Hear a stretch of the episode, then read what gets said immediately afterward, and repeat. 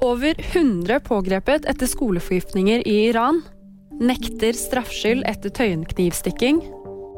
Og Saudi-Arabia lanserer nytt flyselskap.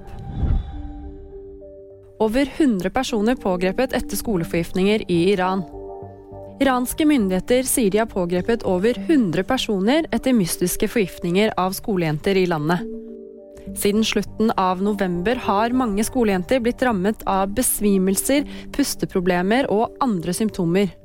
Enkelte av jentene har måttet få behandling på sykehus. Blant de pågrepne er det personer med fiendtlige motiver og med mål om å skape frykt i befolkningen og hos elevene, slik at skolen stenges, heter det i en melding fra Innenriksdepartementet. Minst fire av de siktede nekter straffskyld etter tøyenknivstikking.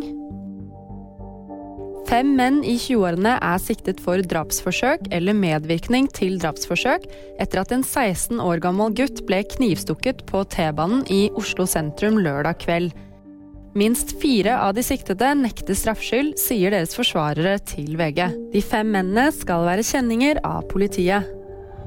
Og Saudi-Arabia lanserer nytt flyselskap. Ifølge statlige medier skal det nye flyselskapet Riyadh Air fly til 100 ulike destinasjoner innen 2030 og gjøre Saudi-Arabia til et globalt knutepunkt.